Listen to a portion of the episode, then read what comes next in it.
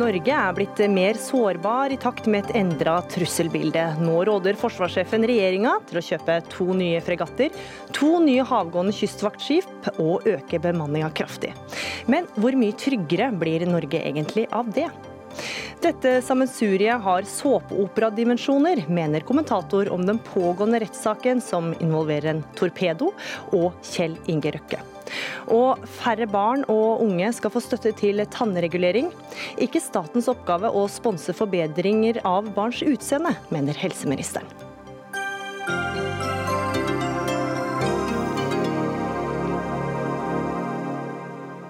Ja, du eh, hører eller ser på Dagsnytt 18. Jeg heter Gry Veiby. Og I løpet av den neste timen skal du også få høre at eh, kunstkritikere slumser med presseetikken, mener kunstkritiker som møter kunstkritiker til duell. Og Miljødirektoratet vil gjøre det enklere for privatpersoner å skyte flere dyr enn før. Det skaper debatt.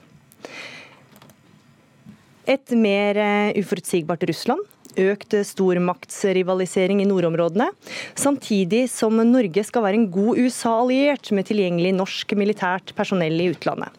Ja, Oppgavene for Norges forsvar er mange, og i dag la forsvarssjefen fram fire alternativer til hvordan Norge skal klare å ha forsvarsevne og nok folk til å møte Nato-forpliktelsene.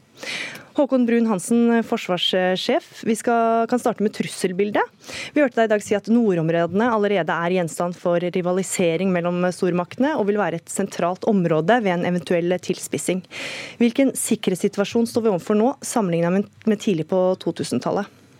Ja, altså Vi er ikke tilbake igjen til den kalde krigen. Bildet er annerledes enn det. Men vi ser en rivalisering mellom stormaktene, eh, og flere stormakter, eh, som skjer på en global arena, og også i våre nærområder. Det har sammenheng med de militære kapasitetene som vi rår over i alliansen, i Nato. Og det har sammenheng med de militære kapasitetene som Russland rår over. Rekkevidden på våpenet er blitt betydelig lengre. Eh, de virker truende på større avstander enn de gjorde før. Og Det betyr at når vi kommer tett innpå hverandre, så utløser det defensive reaksjoner. og sånn. Og Det er den form for rivalisering vi har sett utvikle seg i nordområdene og i Norskehavet de siste årene. Og Da blir særlig Russland nevnt. Og Hvordan har Russland reformert forsvaret de siste åra? Ja, Russland har eh, siden 2008, og kanskje før det også, eh, gjort en betydelig modernisering og profesjonalisering av sitt forsvar. Det er i dag et effektivt og godt sikkerhetspolitisk virkemiddel eh, som Russland har brukt ved gjentatte anledninger siden 2014. Og vi ser det nå med jevne mellomrom, hvor det fortsatt er i bruk i Syria.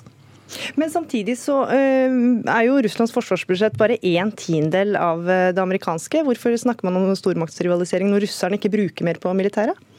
Jo, altså Russland søker en posisjon som stormakt globalt og internasjonalt.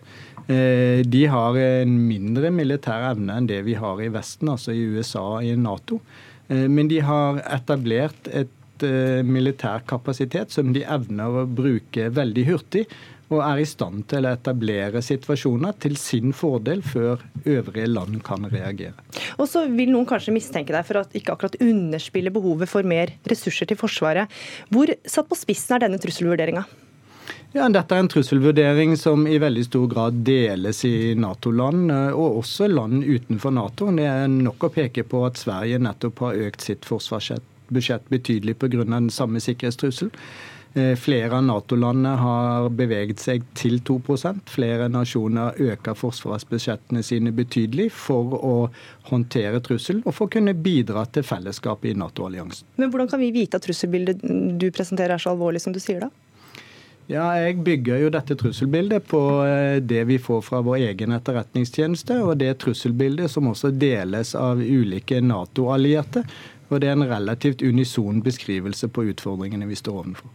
Hva sier du til dem som spør om vi trenger bedre forsvarsevne fordi USA har en eh, president som er mindre tydelig på forpliktelsene til Nato enn sine forgjengere?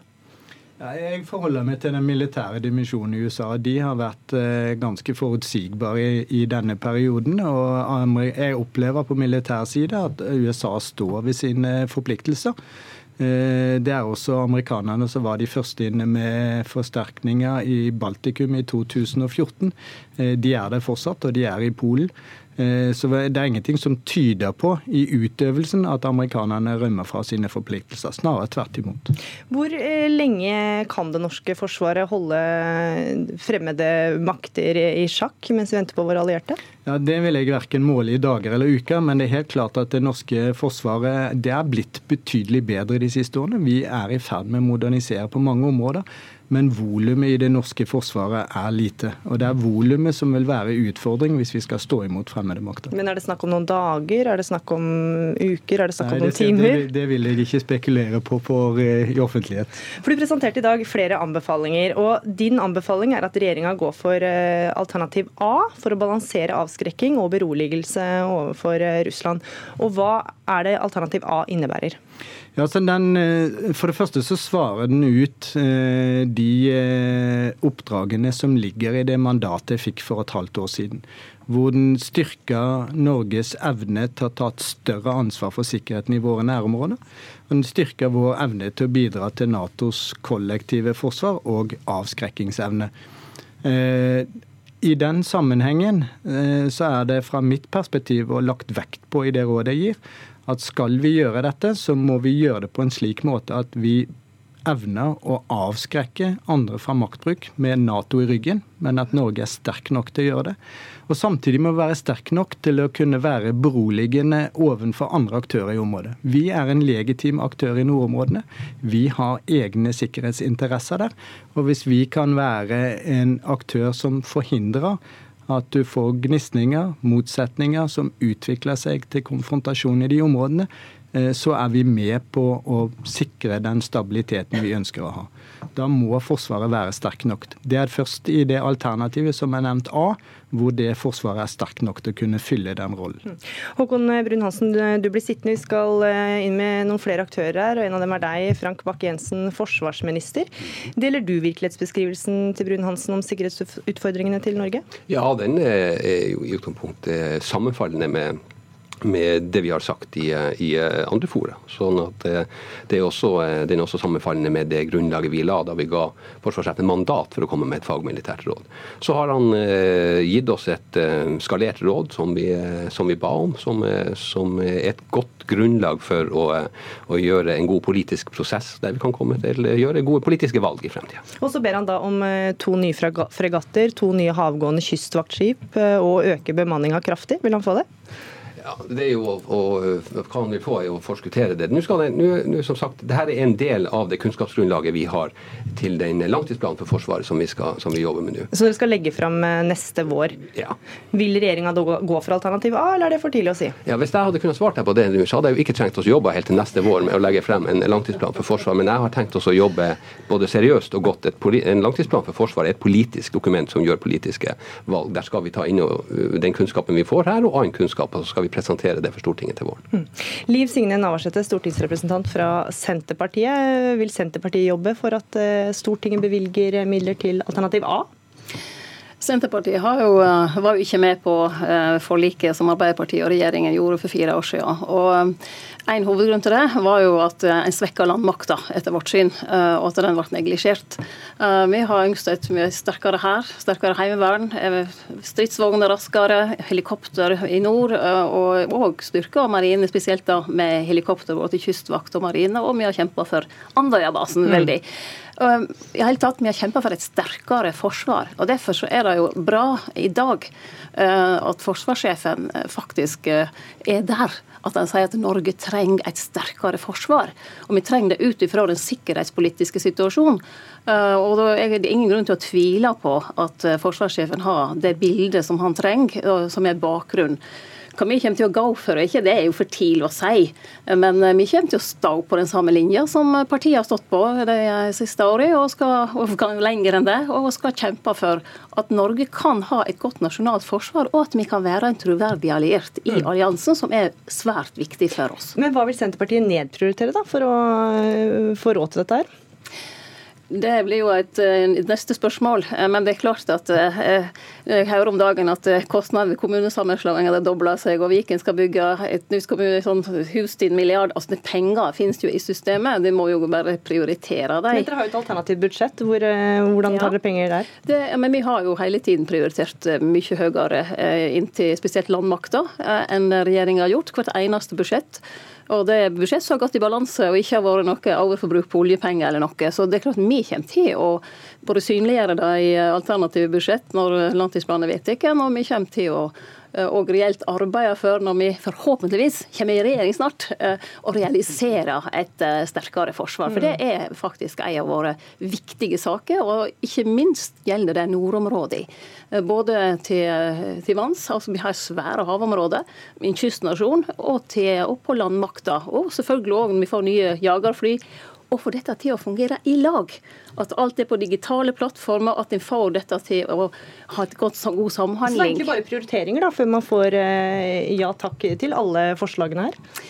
Nei, vi må jo diskutere gjennom det som kommer her, men så må vi diskutere det som kommer fra regjeringa. For det er jo de som legger fram eh, vårt grunnlag til sjuende og sist. Og det er snakket skal komme senest 10. april. Og da sier jeg til forsvarsministeren at kanskje han skulle legge det fram 9. april, for da ble jo alle minnet om hvorfor vi egentlig arbeider med dette.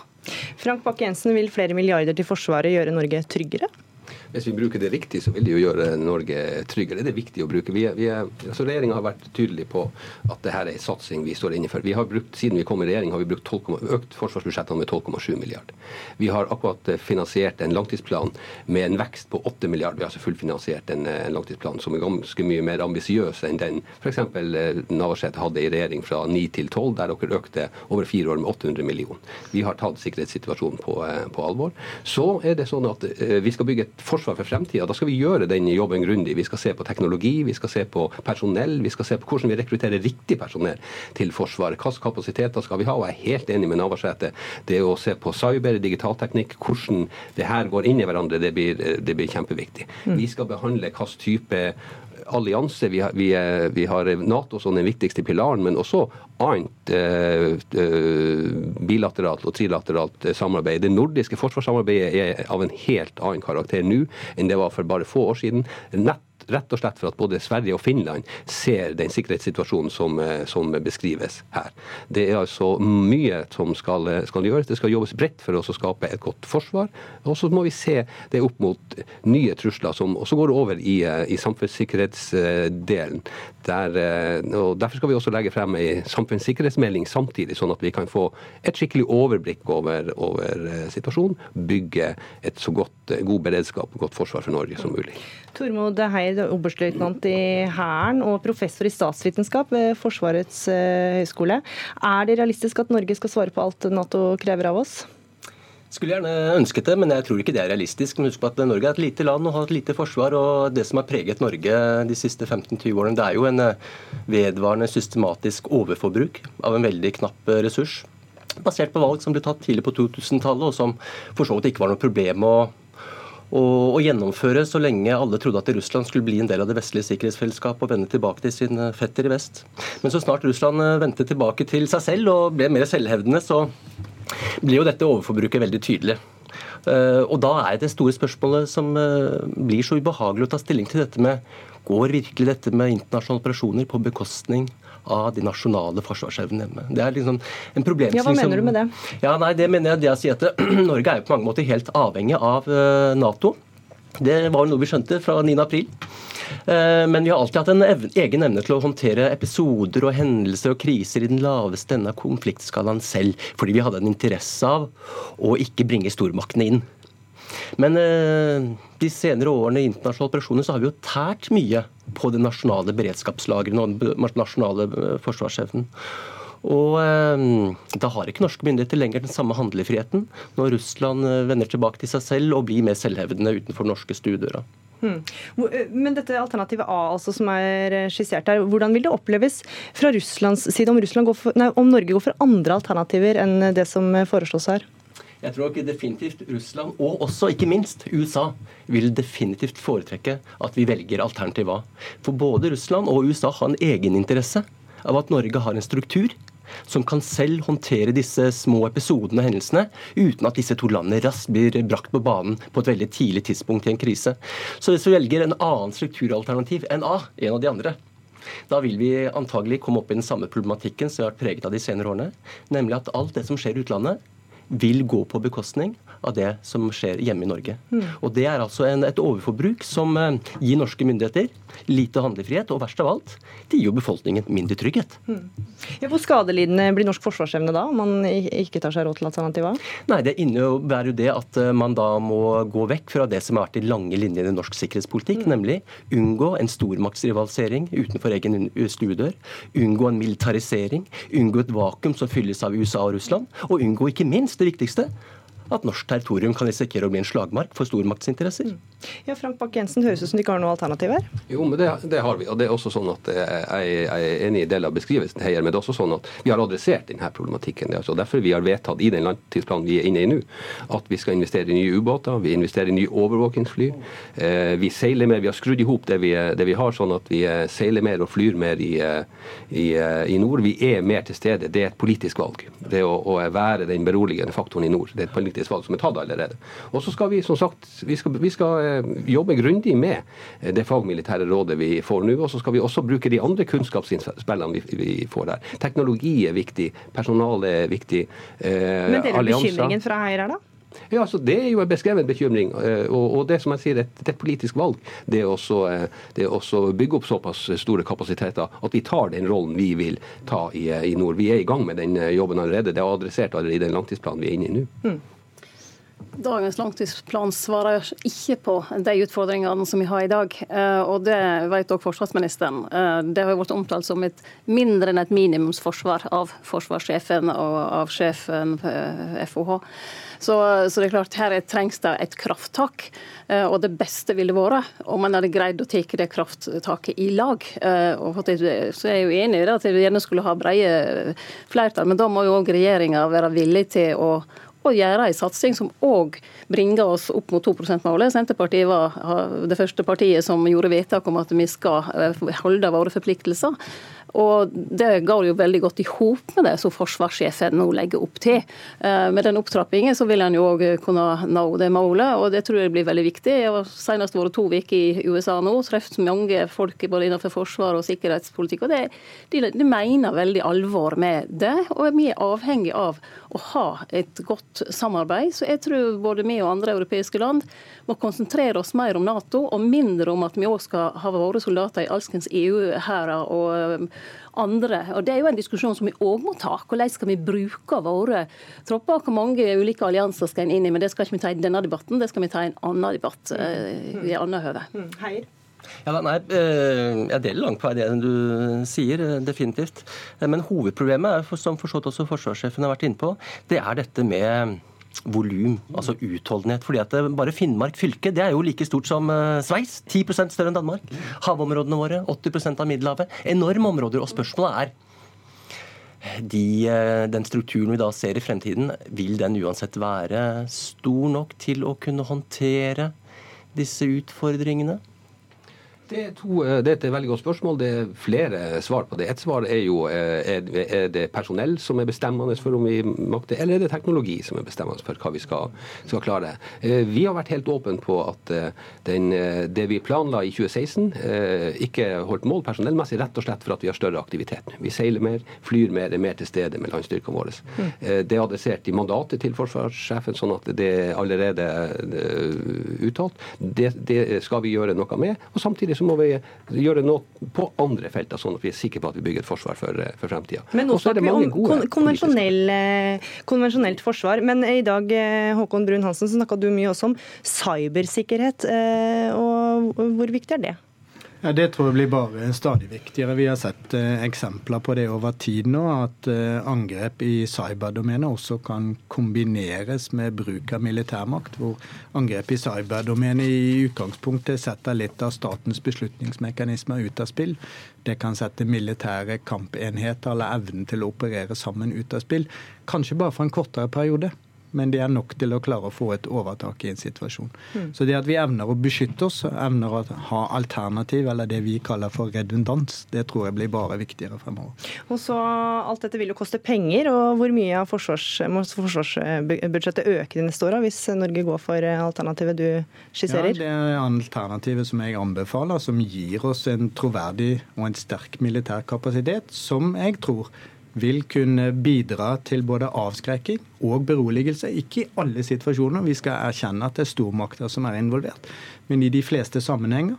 Eh, det har en kostnad på ca. 25 milliarder mer per år åtte år frem i tid enn der vi er på budsjettnivå i dag. Så det er kostbart, det er det ingen tvil om, og det er vanskelige politiske prioriteringer som må gjøres dersom man skal realisere dette. Mm. Takk for at dere var med i Dagsnytt 18. Håkon Brun-Hansen, forsvarssjef. Frank Bakke-Jensen, forsvarsminister. Tormod Heier, oberstløytnant i, i Hæren og professor i statsvitenskap ved Forsvarets høgskole. Og Liv Signe Navarsete, stortingsrepresentant for Senterpartiet.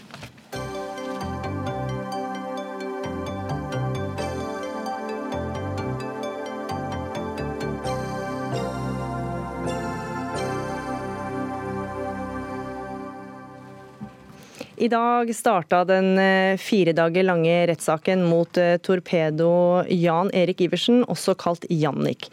Han er tiltalt for forsøk på grov utpressing mot forretningsmann Kjell Inge Røkke. Utpressinga skal ha skjedd vinteren 2017 til 2018, og politiet mener Iversen forsøkte å få utbetalt et tosifra millionbeløp ved å true med å offentliggjøre ufordelaktige opplysninger om eh, milliardæren. Den tiltalte har tidligere nekta å forklare seg for politiet, så det han fortalte i retten i dag, er det første vi hører fra ham om eh, dette. Øystein Millie, krimsjef i VG. Du har sagt at eh, det du hørte i retten i dag, eh, og det Jan Erik Iversen fortalte, er noe av det mest ville jeg har hørt. Fortell oss hva er det som er så vilt? Nei, det At det kommer en torpedo inn dørene i Oslo tingrett, går i vitneboksen og forteller at han mener at en av de mest fremgangsrike forretningsmennene i Norge, Kjell Inge Røkke, har tilbudt ham bl.a. 100 millioner kroner for å ta livet av en du kan kalle en finansmann, dog straffedømt, Christer Tromsdal. det er bare Der er det ting som du bare har sett på film før. Mm. Hvor troverdig er det? Det er vanskelig å si. fordi det vi må huske på er at uh, Du kan komme og si hva du vil i retten. Uh, og I og med at han forklarte seg uh, for første gang og ikke har sagt noe til politiet før, så er det ingen som har etterprøvd den versjonen han kom med. Men det ble jo en ganske absurd seanse. fordi at Til tider så kunne man jo nesten tro, hvis man ikke visste det på forhånd, at det var Røkke som var den tiltalte, og Iversen som var fornærmede. fordi at eh, det var jo mot Røkke eh, beskyldningene hagla. Og det er jo Iversen som er tiltalt, som du sa. Så det var, en, det var en merkelig dag i retten. Og jeg har vært i noen rettssaker, og det er selvfølgelig spesielle alle sammen, men denne var helt absurd, vil jeg si. Mm. Mm. Eva Grinde, du er kommentator i Dagens Næringsliv. Du skriver en kommentar at dette sammensuriet har såpeoperadimensjoner. For å bare ta oss tilbake, hva er bakgrunnen for denne rettssaken? Altså Bakgrunnen direkte for denne rettssaken det er jo eh, tiltalen mot Iversen for at han i løpet av en tre måneders periode skal ha eh, presset eh, milliardær Røkke for en god del millioner kroner. Ehm, og så ser vi at, at påtalemyndigheten og Røkke er veldig interessert i å snakke om denne saken som at det handlet om det som skjedde akkurat de tre månedene, altså i slutten av 2017 og begynnelsen av 2019. Mens mens eh, Iversen eh, og, forsvaret hans eh, på den annen side har veldig stor interesse av å vise at dette er en sak som har vart veldig lenge. Og han starter jo helt tilbake i år 2000 for å vise hva slags, at han har hatt et langt forhold med Kjell Inge Røkke. Hvorfor det? Hva er penger med å vise det? Det er, det er for å vise hvor, det er for å forklare hvorfor han mener at, hvorfor han mener at Røkke skylder ham noe. Altså, han, han sa jo da oppsiktsvekkende nok i retten at han hadde blitt tilbudt 100 millioner kroner for å fjerne Christer eh, Tromsdal. Um, um, og uh, dette er eh, forhold som han ikke har fortalt til noen. Og så er det litt kompliserende faktorer her, men det er jo en sak som VG har publisert i 2017 med lydbåndopptak, der Kjell Inge Røtke snakker veldig nedsettende om Iversen. Og da blir saken sånn som Iversen forklarer det, at her har han stått på og gjort en mengde farlige og ubehagelige oppdrag for Kjell Inge Røkke, og det han får tilbake er drittslenging som blir publisert over hele landet. Så det er hans forklaring. Kjell Inge Røkke kom inn på tampen i dag og benekter stort sett alt. Hmm. Millie, hva er, eh, hva er, bakgrunnen deres, eller hva sier Røkke selv om eh, kjennskapet til Iversen? Røkke forklarer jo at han kom i kontakt med Iversen via noen i familien, og beskriver en kontakt på en helt annen måte enn Iversen. Han Eh, har ikke hatt noen særlig grad av møte på tomannshånd. Han har ikke hatt hyppig kontakt, eh, men han har som sagt hatt noen berøringspunkter i form av at han har hatt eh, familiemedlemmer som har hatt tettere kontakt med, med Iversen. Og så har Iversen da gitt en forklaring om at han nærmest skal ha vært en en, en, fikser for Røkke som har ordna opp i de tinga som ikke ordnes opp på vanlig, på vanlig, vis i forretningslivet. Men at han har hatt en eh, kanal ved siden av som kan eh, få ordna ting som eh, bare noen få kan gjøre, og som da ligger til dette torpedobegrepet. Så det er Men, men det, er, det er sjelden å høre to så vidt forskjellige historier om utgangspunktet da det som skulle vært samme sak. Hmm. Du skriver at saken er en ny Exit-serie verdig? Ja, altså Det har jo noe med liksom grenseløsheten og de historiene vi hører, det som er, det er det jeg refererer til der. Sånn at ja, vi, jeg, jeg, hører at, at, du sier at uh, vi har fått uh, to forskjellige verdener, verdener, som møtes i dag. Men på en måte så er det jo også litt sånn oppsiktsvekkende hvor liten avstand det er mellom de verdenene, på et vis. da.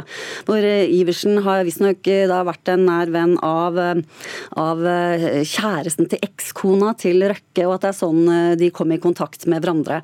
Mm. Så Røkke har jo et sånt forklaringsproblem uansett. Dette her er en sånn tap-tap-sak for han. fordi det, det, er klart at han ønsker jo ikke noe belysning i det hele tatt på, på, hva slags forhold han har hatt til en sånn type mann som dette her. Og det er jo litt vanskelig å tro på også at det, at det bare er løgn fra ende til annen. For hvorfor har han ikke da avvist det langt mer kontant og, og, og, og anmeldt han mye før? Så det, det, er en del spørsmål i lufta som, som ikke er besvart enda. Mm. Ja, nei, Han har jo blitt spurt om disse tre møtene som han har hatt da, på advokatkontor. Eh, hvorfor man hadde de møtene hvis man mente at de beskyldningene som kom fra Iversen, eller kravene som kom fra Iversen var helt urimelige. Hvorfor man ikke da har eh, gått rett til politiet. Eh, og Iversen har jo, har jo også vært rundt Røkke og, og, hatt kontakt med Røkke. Det var jo mye fokus på en episode i en garasje på Aker hvor, hvor Iversen da oppsøkte Røkke, og hvor det oppsto en det Røkke mener er en ubehagelig situasjon. Likevel så så holdt han det gående i 20 minutter. og Han kunne, som han selv sa, låst seg i bilen, eller han kunne påkalt oppmerksomheten til noen av de var vel en eller to som gikk forbi ansatte mens det pågikk, men han gjorde jo ikke det. Eh, og det er det kanskje noen som, som lurer litt på. at man, Hvis man eh, kommer en, en torpedo og begynner å uh, forlange og, og, komme med krav som du syns er helt absurde, så er det på en måte kanskje mulig å tenke seg at man kontant avviser og ikke, ikke går i noen slags dialog. Mm. Denne rettssaken består jo av flere omstridte personer. kan man si. Hvordan blir det å vektlegge troverdigheten i denne saken, Millie? Nei, Det er jo alltid vanskelig med troverdighet i rettssaker, og særlig de rettssakene hvor det ikke finnes noen såkalte fellende bevis, hvor det er forklaringer man baserer det på. Eh, nå har vi hørt eh, da, to forklaringer i dag, eh, fra da fornærmede og tiltalte, og de er jo alltid, eller ofte da, i hvert fall når det nektes straffskyld, så er jo de langt fra hverandre. Og så må man jo da høre vitneførselen og den øvrige bevisførselen, som man gjerne må støtte seg til for å kunne klare å ha noen fornuftig oppfatning om hvem som snakker sant og hvem som ikke snakker sant. Mm, det blir en, ja, ja, Det som er også litt uh, pussig, er jo uh, denne forklaringen fra Iversen om at han nei, han har overhodet ikke snakket om penger, han har ikke drevet med utpressing. Han har bare kommet med et tilbud om at Røkke kan få lov til å betale ham liksom et tosifret uh, millionbeløp, mot at han da ikke forteller hele historien om deres forhold. Og, og vi, det er kanskje litt vanskelig for utenforstående å se helt da forskjellen på det og utpressing. Mm. Så det er heller ikke helt oppklart foreløpig. Mm. Og det blir eh, mer om denne saken, for den fortsetter eh, ut eh, uka. Vi har også invitert Kjell Inge Røkke til Dagsnytt 18, men han ønsket ikke å kommentere en pågående rettssak. Men takk for at dere var med, Eva Grinde, kommentator i Dagens Næringsliv, og Øystein Millie, krimsjef i VG.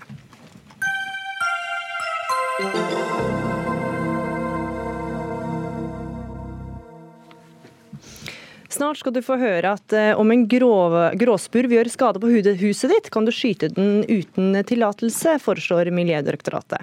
Men hvor mye skade må den gjøre før du kan skyte, lurer vi på.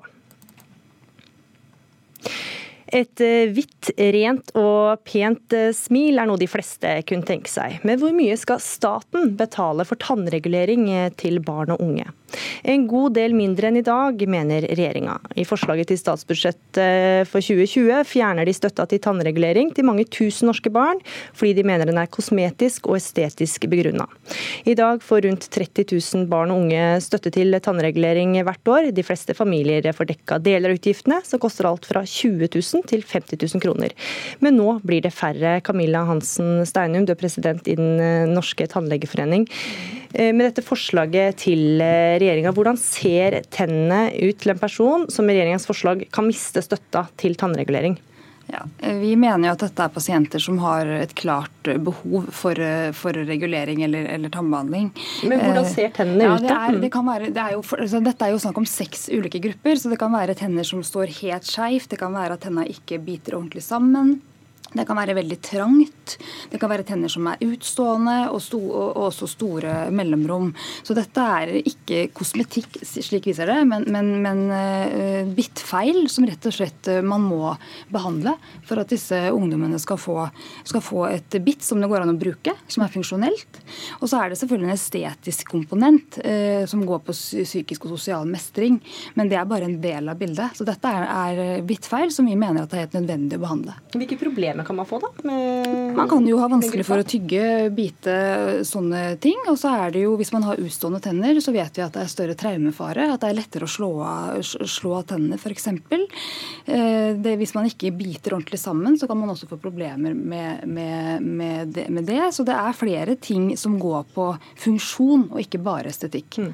Bent Høie, helseminister for Høyre. Du skriver i en pressemelding at i dag bruker foreldre og staten store beløp på støtte til tannregulering av rene kosmetiske kosmetiske grunner. Det bør vi slutte med. Men når du hører eh, tannlegen her nå si at det er jo ikke bare kosmetiske grunner. Nei, men det er jo ikke riktig. Eh, fordi at her har vi hatt eh, gode faglige utredninger som nettopp anbefaler å gjøre endringer på dette området, fordi dette er kosmetikk og estikk og ikke helse.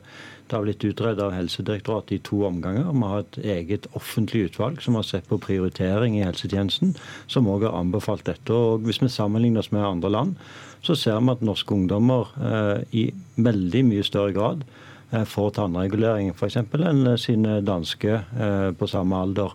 Så, så, så, her er det helt åpenbart at Norge gir offentlig finansiering i, i, til en viss sum for en regulering som er kosmetisk begrunna. Det bidrar til at foreldre føler et press for, og det er de som tar størstedelen av regningen Eh, for å gjennomføre reguleringer på barn som kun er kosmetikk. Ja, hvor, hvor ofte skjer det i dag da, at barn og unge får støtte til tannregulering som kun er estetisk begrunna? Ja, der er det jo da beregnet at eh, om lag 10 eh, 000 av de tannreguleringene som vi har i dag, er knytta til det. Men så er det jo sånn at vi har jo en arbeidsgruppe som jobber med dette, som skal komme med anbefalinger som går inn i gruppe C. Sånn ja, Da snakker du om deler av kategori C. Ja, sånn at det er ikke alle de som, eh, som representant for Tannlegeforeningen her eh, beskriver, som vil falle ut av eh, ordningen. F.eks. hvis en har veldig mange, altså trangt, så vil det være et av de områdene som vi har sagt skal få støtte videre. Men de faglige spørsmålene der de utredes nå videre. Men at det kommer til å bli en innstramming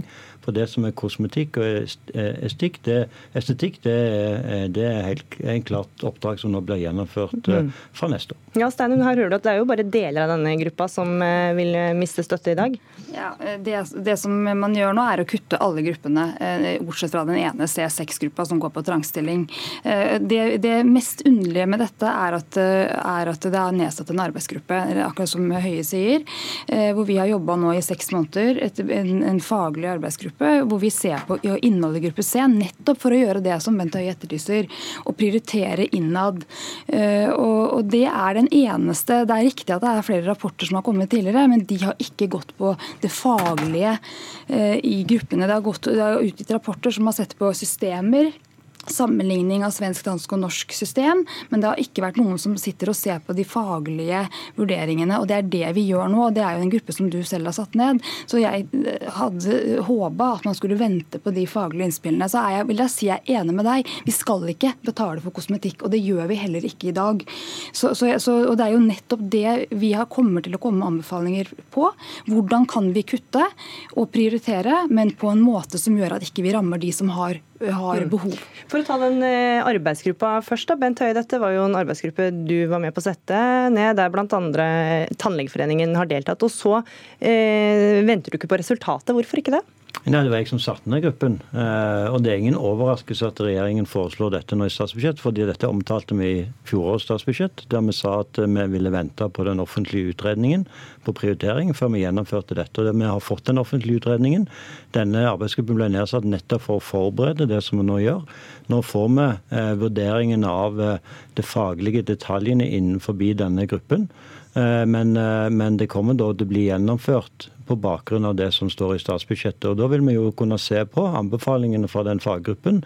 Eh, på detaljene i dette. For jeg er ikke tannlege, men nødt til å ha vurderinger fra Helsedirektoratet, som er vår fagorgan på dette. Men, Så det er det du baserer innstillinga på? Ja, men denne arbeidsgruppen har jo et mye bredere mandat enn det. Arbeidsgruppa skal f.eks. òg se på prioriteringer innenfor hele gruppe B. Eh, som er et stort arbeid, eh, som jeg òg forventer at de nå leverer på innen 1.11. De har jo fått utsatt frist til 1.11, og, og det er òg et stort arbeid som ikke eh, berøres av denne, denne, endringen. Så denne arbeidsgruppen den vil gjøre et viktig arbeid. Men du legger allerede nå opp til at det skal bli store innsparinger? Ja, Det at vi eh, skal gjøre, ta ut store deler av gruppe C, det har vært eh, tydelig eh, lenge. og Det er en klar faglig anbefaling fra direktoratet på det i to omganger med en offentlig utredning som anbefaler det. Det som arbeidsgruppen nå vil gi et grunnlag for, det er det rent detaljerte regelverket rundt den endringen, som kommer da på et godt tidspunkt for å gjennomføre dette sånn som vi har foreslått i statsbudsjettet. Steinum, du rister på det. Ja, jeg, jeg, er ikke enig i det. Jeg mener at de utredningene som er levert før, har sagt at man skal se på på innholdet i, i gruppene i, i, trygderegelverket. Og det er bl.a. det vi gjør nå. Og, og du, det du gjør nå, er faktisk å kutte før du har mottatt de faglige anbefalingene. Jeg syns det er uheldig. Vi, nei, vi skal ta inn en uh, tredjeperson. Ingvild Kjerkol, du sitter i helse- og omsorgskomiteen på Stortinget for Arbeiderpartiet. Dere er også kritiske til dette kuttet. Eller som dere pleier å si i debatter om tannhelse, en skal ikke se på smil om man er høflig. Men hvordan vet dere at alle de som får tannregulering i dag, faktisk trenger det? Der forutsetter vi at man gjør gode faglige vurderinger fra de tannlegene som eh, behandler dem. Eh, og jeg synes jo Det er interessant å høre Bent Høie argumentere for hvorfor man skal kutte enda mer i tannhelse. For det er jo noe som faller denne regjeringa veldig lett for hjertet. Man kutter hvert budsjett på tannhelse. For første gangen eh, på ja, noensinne så går utgiftene til tannhelse i Norge ned, fordi at regjeringa har kutta stønadene. Det mest usosiale kuttet ja. har de riktignok gjort tidligere. Men for å holde oss til regulering, da, sånn ja. som Bent Høie sier, sier, så er det jo langt flere norske barn som får tannregulering enn barn i skandinaviske land. Er det ikke da på tide å gjøre noe med dette systemet? Det er jo ikke sånn at norske barn blir født med skeivere tenner enn svenske og danske barn. Det er det nok sikkert ikke, uten at jeg vet eh, noe, noe sikkert om det. Eh, men eh, hvis vi skal se til nabolandene, så har også de en bedre utbygd offentlig tannhelse. Sånn at du får mer tannhelsebehandling fra det offentlige i eh, Sverige, Danmark og Finland. Eh, til sammen så har regjeringa kutta over 300 millioner på den offentlige tannhelsetjenesten. Og jeg hører jo ikke at Bent Høie vil bruke de pengene han her kutter, på å bedre den offentlige tannhelsen til andre grupper da, som han eventuelt mener trenger det mer enn disse barna. Og Det er det vi er veldig sterkt imot. Vi mener at vi bør utvide den offentlige tannhelsen. Regjeringa kutter, og de gjør det med lett hjerte. Hvert eneste budsjett så reduserer de det vi har av offentlige stønadsordninger for å utjevne de sosiale helseforskjellene. Og på ikke noe annet område enn på tannhelsen så vises disse forskjellene bedre. Men, men ting må jo også prioriteres, Kjerkol. og Vi hørte jo nylig om migrenerammede som ikke får medisinen sin på, ja. på blå resept. Hvorfor skal dette prioriteres, når det er så mange som står i kø om helsekronene?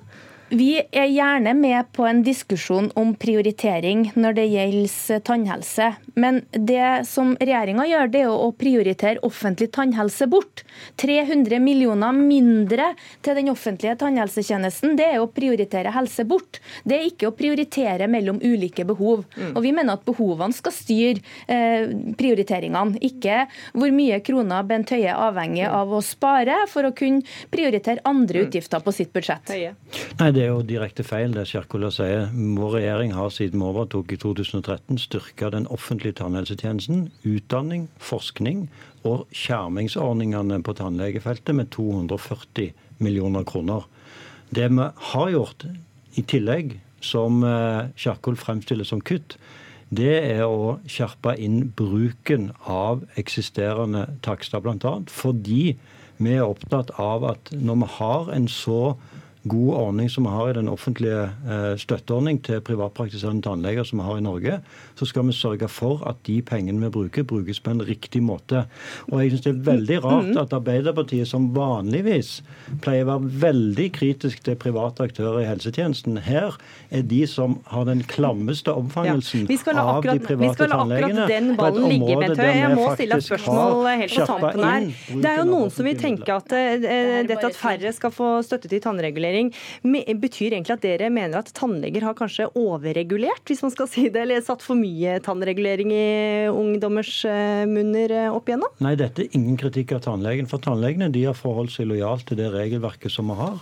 Utfordringen er regelverket. I Norge har et regelverk som har åpna opp for at staten tar en liten del, men en viktig del av utgiften, og for foreldre og tannleger som gjennomfører kosmetiske reguleringer. Det er etter min oppfatning et press på kroppspresset, et mm. press mot foreldre. Og jeg syns det er veldig rart at Arbeiderpartiet forsvarer at det offentlige skal være med å finansiere kroppspresset retta mot ungdom. Jeg må bare spørre deg også, Høie. altså De foreldrene som sitter hjemme og tenker sånn, nå får jeg kanskje ikke råd til å hjelpe ungen min med tannregulering. Hva vil du si til dem? Ja, De eh, vil jeg si at nå skal du slippe å betale den største delen av regningen på en kosmetisk eh, behandling av dine barn. og jeg tror veldig få foreldre ellers i Norge hadde tenkt tanken at de skulle bruke eh, kosmetiske inngrep på barna sine sitt utseende. Og derom strides eh, dere om hvorvidt det er kosmetisk eller ikke. Takk for at dere var med i Dagsnytt 18, Bent Høie, helseminister, Camilla Hansen Steinum, president i Den norske tannlegeforening, og Ingvild Kjerkol, helse- og omsorgskomiteen for Arbeiderpartiet.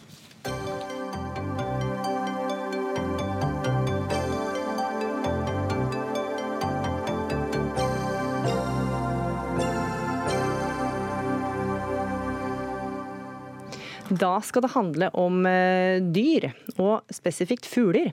For om en gråspurv, kjøttmeis eller svarttrost gjør skade på huset ditt eller hagen din, så kan du selv skyte den uten tillatelse. Det foreslår Miljødirektoratet i en ny forskrift.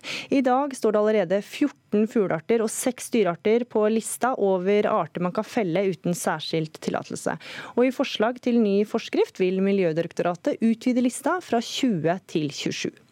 Knut Morten Vangen, du er seksjonsleder i viltseksjonen i Miljødirektoratet. Hvorfor er det behov for denne nye forskriften, slik dere ser det? Nei, Vi har sett behov for å revidere dagens forskrift, men eh, det er jo egentlig ingen liberalisering vi legger opp til her. Det er jo faktisk tvert imot en, eh, en innskjerping av, av, dagens regelverk. Eh, vi flytter bl.a. arter som hettemåke og fiskemåke fra skadelidtes egen beslutning til, til Fylkesmannen for en vurdering der. Vi innfører en varslingsplikt eh, fra den skadelidte til eh, kommunen hvis det skal gjennomføres en, en skadefelling. Vi innfører en rapporteringsplikt i etterkant av en eventuell skadefelling, og vi setter også klarere vilkår i forhold til hva som skal være oppfylt for at man skal kunne felle disse artene som står på lista. Herunder da at uttaket skal være egnet til å begrense den skadesituasjonen som er oppstått. Men dette høres jo med all respekt ikke ut, som en, nei, det høres jo ikke ut som en forenkling heller, slik som du legger det fram? Jo, det er forenkla på noen punkter. Altså, det er som sagt ingen liberalisering. Det er faktisk tvert imot en, en innskjerping på noen forhold. Så har vi flyttet noen arter mellom de ulike myndighetsnivåene. Eh, og det har litt med rødlistestatus og hvordan disse artene da Altså hvordan eh, bestandens overlevelse er på de ulike artene. Mm. Og så For å snakke om fugler, da, så er det jo da fugler også som gjør skade på eiendom. Hva slags skade er det vi snakker om da? Nei, Det som har vært mye oppe i media nå, er jo disse spurveartene som er på, på lista over, eh, skader, over um, arter som kan felles av skadelidtes egen beslutning. Og Dette er nesten da utelukkende tilfeller der spurvefugler tar seg inn i næringsmiddelbedrifter, der de kan utgjøre da en, en smitterisiko og en sykdomsrisiko. Da har vi lagt opp til at den skadelidte, det vil i praksis si bedriftens eier, kan felle disse av egen beslutning uten å måtte søke kommunen om dette. Mm. Morten Tønnesen, du er medlem av Rådet for dyreetikk og professor i filosofi ved Universitetet i Stavanger. Og dere er skeptiske til dette forslaget. Hvorfor det? Ja, Rådet for uh, dyreetikk uh, er skeptisk til uh, at både skade og eiendom presenteres så, så vidt i forskriften at det i stor grad blir en subjektiv vurdering, sånn som forskriftsteksten lyder, hva som er skade alvorlig nok til å avlive. Det er riktig at dette er en rapporteringsplikt, men vi syns det gjennomgående er et inntrykk av at det som vi regner som skadedyr, skal kunne tas ut hvis de er plagsomme nok. Og Da er vi litt eh, bekymra for dyrevelferden, siden dyrevelferdsloven slår fast at uavhengig av nytteverdi, så har alle dyr egenverdi. Hmm. Ja, Hvilke dyr eh, da? Nei, altså Dette gjelder jo bl.a. den utvidede adgangen til at uh, den skadelidte selv kan vurdere på stedet om eh, avliving er riktig. Eh, hvis man mener at det kan avverge skade på mm. egen eiendom. Og Samtidig så sies det at eiendom kan være alt fra husdyr til eh, vann. Og, og Da er det vanskelig å forstå f.eks. For hva det betyr at et vann skades, eh, som noe som skal rettferdiggjøre og avlive eh, en av disse individer, individet en av disse dyreartene. Mm. Og Vangen, med dette nye forslaget så vil dere overlate avgjørelsen til enkeltpersoner? Ja, altså Nå må vi se litt på hvor stort omfang dette har. Altså dette er, Når det gjelder artene som kan felles av skadelidtes eh, egen beslutning, så snakker vi om et veldig lite antall saker. Når det gjelder spurvefuglene, så er det egentlig utelukkende snakk om næringsmiddelbedrifter og, og smittefare, sykdomsfare, som jeg nevnte. Så dette er saker som, eh, som har et veldig lite omfang. Og det er altså ikke slik at privatpersoner eh, kan gå og felle individer av disse artene på egen eiendom hvis ikke da disse klare kriteriene for, for felling er oppfylt. Hmm. Steele, du er eh, biolog og generalsekretær i miljøorganisasjonen Sabima, som jobber for å stanse tapet av naturmangfold. Hva kommer en slik forskrift til å bety for naturmangfoldet? Altså, Vi skal drive jakt, vi høster. Eh, vi skal selvfølgelig kunne skyte fugler og dyr som gjør på en måte, vesentlig skade på altså økonomisk skade, truer liv og helse osv. Så, videre. så dette dreier seg ikke om at ikke vi skal kunne ta livet av dyr. Eh, men det står faktisk ganske dårlig til med naturen. Altså Det kommer rapport på rapport som viser at vi taper naturmangfold i stor, eh, stort tempo. Hver femte art i Norge står på rødlista. Eh, og Det internasjonale naturpanelet sier at dette er dyrt for oss. Verdensøkonomien taper 10% som følge av at naturen går tapt. Og Når vi selvfølgelig ikke skadefelling fører til måte, et, et vesentlig tap av arter på den måten, men dette, dette sier noe om hvordan vi ser på på naturen som, som, vi mener er helt feil. Altså Vi ser på naturen som et problem, som, som noe som gjør oss skade, som noe vi må, må, på en måte fjerne. Eh, og Det mener vi er på en måte helt feil innstilling. Vi må se på naturen som en venn. altså Naturen er faktisk livsgrunnlaget vårt. De gir oss økonomi, eh, og ikke tar fra oss økonomi. Men de gjør jo også skade på eiendom, da, som jo, vi hører her. Det, dette er ganske marginalt. og Det som uh, kommer nå som forslag, uh, er jo at man ikke bare skal være vesentlig økonomisk skade, men bare vesentlig skade. Altså Det kan være annen type skader som, som tas inn her. Og Det skulle jo bare mangle om Miljødirektoratet i 2019 innførte en vesentlig liberalisering av denne forskriften. Når vi vet så mye, og når man ser hvor hvordan nå befolkningen og næringslivet og alle forstår at vi må ta bedre vare på natur, så, så kan selvfølgelig ikke Miljødirektoratet gjøre det. Men de har blitt pressa av regjeringen til å, å, avbyråkratisere. I utgangspunktet foreslo Miljødirektoratet en strengere forskrift som stramma betydelig inn, eh, med fokus på f.eks. For forebyggende tiltak for å hindre skade før skaden skjer. Eh, men så har regjeringen da i sin avbyråkratiseringsiver pålagt Miljødirektoratet å å, å liberalisere dette, gjøre det enklere for privatpersoner. Overlate mer til kommunene f.eks., uten å tilføre kommunene kompetanse og kapasitet til å mm. gjøre den jobben. Ja, Vangen, Hvordan ser dere på det at det kan true naturmangfoldet? Altså, Vi mener jo ikke at denne forskriften er truer naturmangfoldet på, på noen måte. Det er korrekt det at vi skal gjøre forskriften så enkel og så lite byråkratisk som mulig, men det er jo da fortsatt sånn at det er en rekke vilkår som skal være oppfylt for at man skal kunne gjennomføre en slik skadefelling. Herunder at andre forebyggende tiltak skal være prøvd i, i rimelig utstrekning. Hva slags tiltak er det, da? Skal, nei, altså Ulike typer tiltak for å hindre at skaden fortsetter, som gjør at man da slipper å, å felle individet. Og Man må også påse at eh, det uttaket man gjennomfører, retter seg mot det skadegjørende individet, og at skaden da egentlig termineres, avsluttes etter felling. Så det er en rekke vilkår som skal være oppfylt, sånn som i dagens forskrift. Mm. Altså, det er bra ting i forskriften. Eh, dette med rapporteringsplikt er bra. Dette at man må varsle eh, politiet f.eks. hvis man skal bruke skytevåpen er bra. Eh, det er fint at, at Fylkesmannen får ansvaret for visse av de måte, virkelig trua artene, og det skulle også bare mangle. Og som Jeg sa i sted, jeg mener heller ikke at dette direkte måte, vil, vil, true naturmangfoldet, men, men, det gir feil signal. Altså det, det, sier oss at naturen er et problem. Og hvilket problem kan nå altså kjøttmeis og bokfink og grønnfink eh, virkelig utgjøre for samfunnsøkonomien vår? Vi mener at det er på en måte helt i feil retning. Eh, og også dette at man på en måte skal slippe det mer løs blant enkeltpersoner og kommunene, er vi også bekymra for. Hmm, ja, Vangen. Og så er det jo spørsmålet, for dette er jo da vurderingssak. Og eh, hvor godt skikka er man til å vurdere om en skade er stor nok til å rettferdiggjøre felling? Nei, altså Det er jo da en, en, del klare vilkår i forskriften som må være oppfylt for at eh, man skal kunne iverksette en skadefelling. Så Det må man jo da gjøre i, i hvert enkelt tilfelle. Eh, og Den vurderinga er da lagt i ulik eh, nivå, avhengig av eh, artens status. Men Kan du forklare hvordan man skal, som, som skal skade på, ja. mm. På, på vann for eksempel, og skog? Hvordan i all verden skal en grunneier kunne ta stilling til det, og, og eventuelt da utføre skadefelling selv på, etter skade på vann og skog? Altså natur? Altså her, må vi, her, må vi, skille mellom de ulike artene og hva de faktisk kan gjøre skade på. Grunnen til at det fremkommer sånn i, i bestemmelsen i forskriften, det er at det, det er hentet fra, fra lovteksten. Eh, så derfor, eh, når man da lister opp et, et, eh, sett med arter, så ser det litt underlig ut. Men her er det jo eh, ulike arter som gjør skade på ulik type eiendom. Eh, og Det er også en veiledningsjobb som vi har når vi, når vi utarbeider forskriften og kommentarene mm. til forskriften. Og Da fikk du eh, siste ord, Knut Morten Vangen, seksjonsleder i viltseksjonen i Miljødirektoratet. Takk for at du var med i Dagsnytt 18. Takk også til deg, Morten Tønnesen, forsker og filosof. Og Christian Steele, biolog og generalsekretær i Sabima.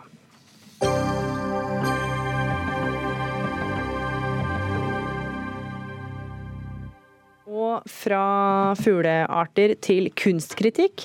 For hos eh, Norsk Kritikerlag er habilitetsproblematikk et stadig tilbakevendende tema. Det skriver du i en kronikk i Aftenposten, Anke Gerhardsen. Du er journalist og kritiker, og nevner et konkret eksempel. For da Astrup Fearnley-museet i Oslo hadde en utstilling tidligere i år, inviterte de seks skribenter til å skrive tekster til utstillinga i form av et essay om hver sin kunstner. Og for dette oppdraget så fikk de 75 000 kroner hver. Hvorfor var det problematisk, mener du? Ja, Det er eh, problematisk fordi eh, publikum kan stille spørsmål ved disse kritikerne eh, og andre kritikeres habilitet. Habilitetsreglene er spesifisert både i kritikerplakaten og også i Vær varsom-plakaten. Og De er jo der for å bevare publikums tillit. Publikum skal føle seg trygge på at kritikere og journalister også ikke er til salgs. Så det er altså ikke hva du selv som kritiker måtte tenke og vurdere om din egen habilitet, det er hva publikum tenker og tror som er interessant. da. Mm. Og når kritikere da faktisk er til salgs, så kommer jo automatisk eh, spørsmålet opp. Kan publikum, når de leser en anmeldelse av en kunstutstilling, stole på at kritikeren ikke tar hensyn til relasjoner og økonomiske interesser han eller hun måtte ha inne i kunstfeltet når vedkommende skriver. Det kan jo være tidligere oppdrag som har skapt bånd og bindinger, og det kan være håp om framtidige oppdrag som virker inn på den kritikken som skrives. Da. Mm. Vi har selvfølgelig invitert Astrup Fearnley-museet hit, de hadde ikke anledning til å stille. og eh, I stipendet disse skribentene fikk, så var jo ikke det betalt av Astrup Fearnley-museet, men av Fritt Ord og Talent Norge. Og ingen av kritikerne har jo siden anmeldt utstillinger på museet, så hvor treffende er kritikken din da, Gerhardsen? Ja, men jeg, jeg syns det blir for eh, eh, snevert å bare tenke på om hvorvidt de har fortsetter å anmelde Fastrup Fearnley eller ikke. Det handler om at man skal vite at kritikere ikke har noen økonomiske egeninteresser inne i kunstfeltet. Og, og eh, er det sånn at de da skriver opp når de, når de, anmelder andre steder, har de en sånn klikkbar lenke som viser hva de har gjort av oppdrag overfor kunstnere andre steder i feltet, sånn at publikum da på egen hånd kan vurdere om jeg kan stole på denne kritikeren eller ikke. Nei, det tror jeg ikke de har. Så det handler om å liksom være på den rette siden av streken, da, akkurat som journalister er nødt til å være. Mm. Heidi Bale Amundsen, du er styreleder i Norsk Kritikerlag, og også kunstkritiker. Hvor kritisk kan du være eh, dersom du anmelder et verk av en kunstner som du da nylig f.eks. skrev katalogteksten til? Ja, Det er jo helt riktig det Anke Gerhardsen sier, at habilitet det handler om hvordan det ses fra utsiden. Og dersom det foreligger bindinger som gjør at at en leser vil, vil miste tilliten da, til at kritikeren forholder seg til, til verket på en fri måte, så, så, bør de nok ikke ta på seg det oppdraget. Det vil vi ikke være uenige om. Eh, både Anke Gerhardsen og vi i Kritikerlaget ønsker jo en habil kritikerstand. Det vi er uenige om, er jo hvordan man kan operere for å få til det. Eh, og Gerhardsen mener jo da generelt at man bør kreve en, en eh, at Eh, kritikerne da distanserer seg profesjonelt fra, fra, feltet for øvrig. Og det er jeg uenig i. Jeg mener jo at, at det er mer hensiktsmessig at enkeltkritikerne bruker sitt skjønn i hver enkelt konkret sak. Mm. Ja, og Gerhardsen, I kritikerplakaten som kunstkritikere følger, så står det at kritikeren må unngå dobbeltroller som svekker troverdigheten. Hva er det som ikke er klart nok med det, da? Ja, Det er jo hva man legger i en dobbeltrolle. Jeg er for øvrig også medlem av Kritikerlaget, da, bare så det er sagt. eh, vi hører det jo her at vi har forskjellig oppfatning av hva en dobbeltrolle er. Og eh, hvis det blir sånn at eh, presseetikken, som jeg mener at dette her er en del av, blir individualisert, da har vi jo et problem. Altså, vi må være enige om hvor grensegangene går, sånn at både de aktørene som jobber som kritikere, og publikum vet sånn cirka hva slags land vi befinner oss i. da. Hmm. Amundsen, du skriver i Aftenposten i dag at for å sikre kritikkens troverdighet må hver enkelt vurdere sin etiske posisjon før hvert nytt oppdrag. Men kan vi stole på at det skjer? Eh, det er jo det, det jeg mener at vi uh, at, at, stort sett gjør. Det er uh, Det ble jo nevnt av denne saken på Astrup Fearnley, og at disse seks kritikerne faktisk ikke har kritisert eller skrevet anmeldelser av Strup Fearnley siden. Og det, eh, det peker i samme retning som denne frilansundersøkelsen som nettopp har kommet ut, også gjør. Det er en forskningsrapport. Den ble lansert på Fritt Ord forrige uke. og der viser det seg da at, at nettopp det med etikk og habilitetsspørsmål er noe som, som, er, som kritikerne har veldig høy bevissthet, eller som mediefrilansere har høy bevissthet om. Og faktisk så står det også i den undersøkelsen at kritikerne eh, utviser en sånn bevissthet i særlig høy grad. Så jeg opplevde det som litt eh, som en spekulasjon, da, at det ikke skulle faktisk kan skulle være sånn. Kan du få kommentere det? Det skal du få lov til å gjøre, Gerhardsen. Ja, altså, eh, dette, Denne undersøkelsen her, som jeg også selv har deltatt i, den er jo basert på selvrapportering. Sånn at det er jo kritikeren selv som vurderer om han takker ja eller nei til eh, oppdrag som, kan, sette, som liksom, eh, kan, defineres som dobbeltrolle. Det er altså ikke sånn Det er ikke noen definert standard her. Så igjen, jeg mener at eh, de eh, feltene som jeg har problematisert i min, min, kronikk, helt klart er problematiske, mens Amundsen mener at de ikke er det.